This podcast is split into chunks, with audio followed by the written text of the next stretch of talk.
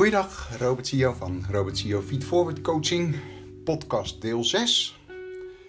Vandaag wil ik het met jullie hebben over familiesystemen en familieopstellingen.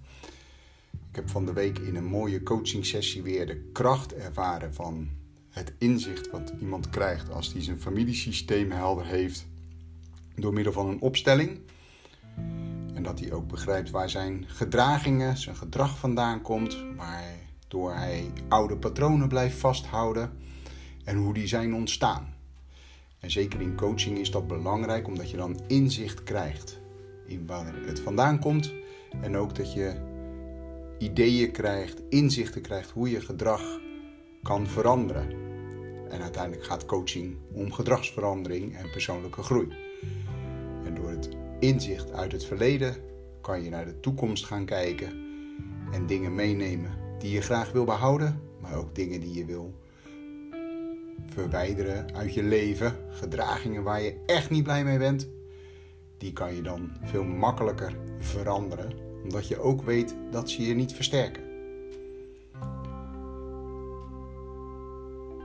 Mijn kennis van familiesystemen en familieopstellingen komt uit mijn opleiding. En daarnaast heb ik een fantastisch boek gelezen, De Fontein van Els van Stijn.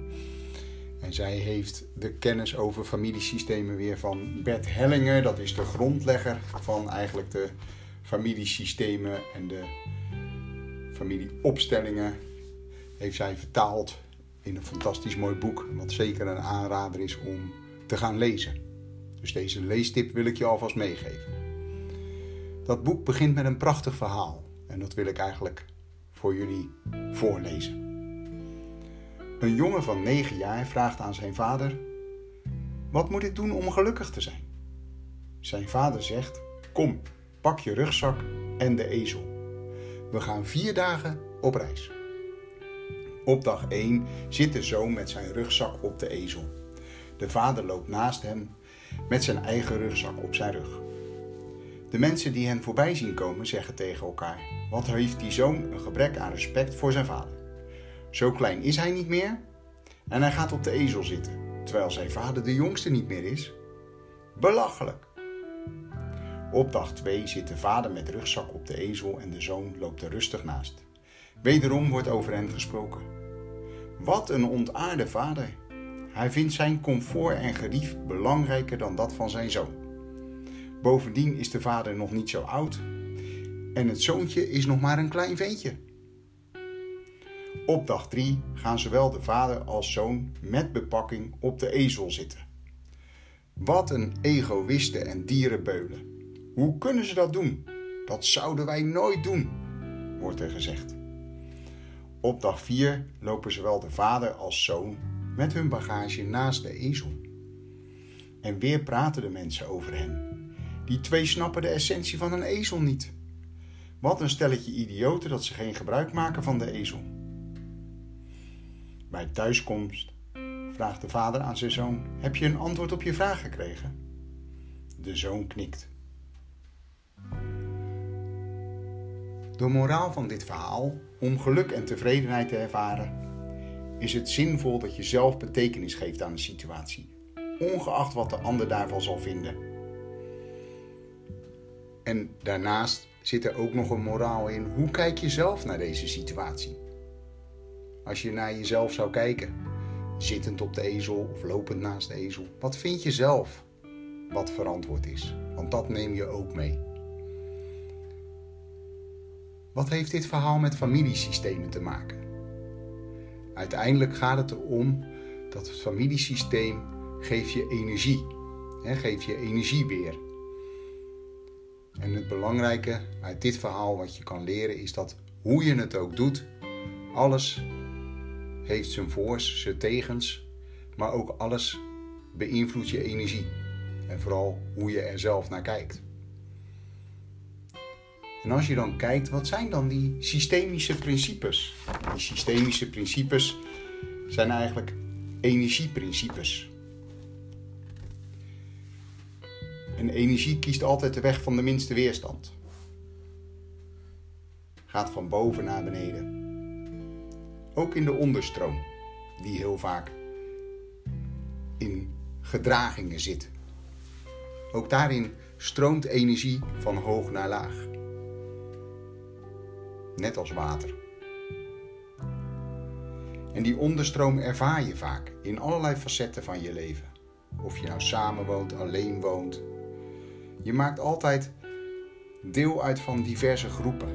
Van een gezin, van een familie, van een voetbalvereniging, van een andere sportvereniging, van je werk. Overal heb je wetmatigheden in het kader dat je onderdeel bent van een systeem, van een web. En daarin zit energie. En die energie stroomt van hoog naar laag. En wat maakt nou dat een familiesysteem zo belangrijk is? Als het goed is, heb je erfelijkheid meegekregen van huis uit, van je vader en je moeder. En dat zijn allemaal patronen die je wel herkent. Dat je wel eens op de bank zit en denkt: Oh, nou doe ik precies zoals mijn vader. Of hé, hey, nou doe ik precies zoals mijn moeder. Of misschien nog wel van: hé, hey, mijn opa of mijn oom deed ook altijd dat soort dingen op die manier. En dat kan soms iets fysiek zijn, hè? dat je je handen door je haar haalt, precies zoals je vader dat deed. Of dat je aan je oor krabt zoals je moeder dat deed. Dat soort dingen. Maar het kan ook uitspraken zijn. Of het kan ook de intonatie zijn. En je bent het je vaak niet eens bewust dat dat gebeurt.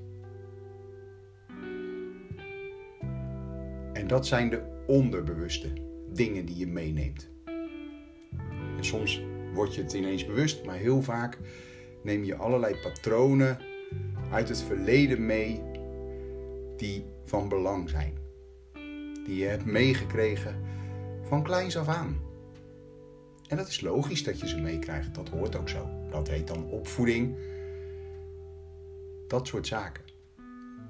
Maar als je weet hoe je erin hebt gestaan, dus als je een familieopstelling maakt, hoe je je familiesysteem neerzet, is eigenlijk een opstelling. En dat doe ik met poppetjes.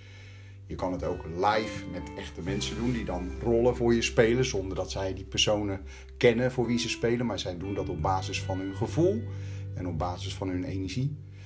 Maar in mijn coaching sessies doe ik dat met poppetjes. En die poppetjes, die zet de coachie dan neer zoals die het voelt op dat moment. dan begin ik vaak met het gezin van herkomst. Dus vader, moeder en de coachie zelf met eventuele broers, zussen. En alle mensen die daarmee samenhangen. soms zijn uh, ouders gescheiden, komen er nieuwe partners, ook die stel je op. Opa's en oma's, ook die kan je neerzetten. Ook afhankelijk van wat de coachie daar allemaal bij voelt. En met wie die allemaal verbinding heeft. En door ze neer te zetten en ook de manier waarop de coachie ze neerzet, krijg je al heel veel inzicht als coachie. Waar sta ik zelf in relatie tot mijn ouders? Waar sta ik in relatie tot mijn broers, zussen? Waar sta ik in relatie tot nieuwe partners eventueel? Dat soort zaken. Sta ik op mijn plek? als je het hebt over de plek, dan geldt eigenlijk een chronologische volgorde in het familiesysteem van de kinderen bijvoorbeeld. En in principe staat de vader altijd op de eerste plek. Ik weet, voor feministische principes is dat raar, maar dat is een, iets gegevens vanuit het familiesysteem, wat door eh, Bert Herlinger zo is ontdekt. dus de vader staat op de eerste plek, de moeder op de tweede plek. Maar is dat ook echt zo in dat gezin geweest? Dus je begint met het gezin van herkomst neer te zetten en erover te praten en te vertellen. En dan ook te zien van, oh ja, ik stond niet op de goede plek en ik ging altijd de rol van mijn oudere broer bijvoorbeeld overnemen. Of juist mijn jongere broertje of zusje nam mijn plek in. En dat soort inzichten maken soms helder wat voor gedrag iemand op dit moment heeft. En zeker als je het dan ook nog neerzet in de huidige situatie. want de vorige was de gezin van herkomst. En nu wordt het ook belangrijk om dan het huidige systeem neer te zetten. Heb je een gezin? Hoe ziet dat er dan uit? Hoe is daar de verhouding? Hoe sta je naast je partner? Hoe sta je met je kinderen als je die hebt? En daar kan je soms hele mooie parallellen in trekken. En dat verhaal ken je natuurlijk wel, hè? van je kiest altijd iemand die, een partner die ook op iemand lijkt. Hè? Die ook dezelfde gedragingen heeft. Omdat dat gewoonte is, dat zijn patronen. Door inzicht te krijgen in die patronen, kan je kijken van hé, hey, welke patronen versterken mij? Welke patronen helpen mij om het te laten groeien? En welke patronen zitten mij in de weg? Die ik van vroeger meegekregen heb. Vooral op energetisch niveau. Als je bijvoorbeeld merkt dat je eigenlijk weinig support van je ouders gehad hebt in je ontwikkelingen. En je merkt dat je dat zelf ook nu naar je eigen kinderen niet doet, kan je dat veranderen, omdat je het inzichtelijk krijgt. Of als je juist wel heel veel support van je ouders gehad hebt en je wil dat voortzetten, zie je dat vaak terug in zo'n opstelling van hé, hey, dat was een mooie eigenschap van mijn ouders, die wil ik graag meenemen. En zo kan je door het gezin van herkomst neer te zetten en het huidige gezin heel goed inzicht krijgen in van waar komt mijn huidige gedrag vandaan? En versterkt dit gedrag me? Of is het geen versterkend gedrag?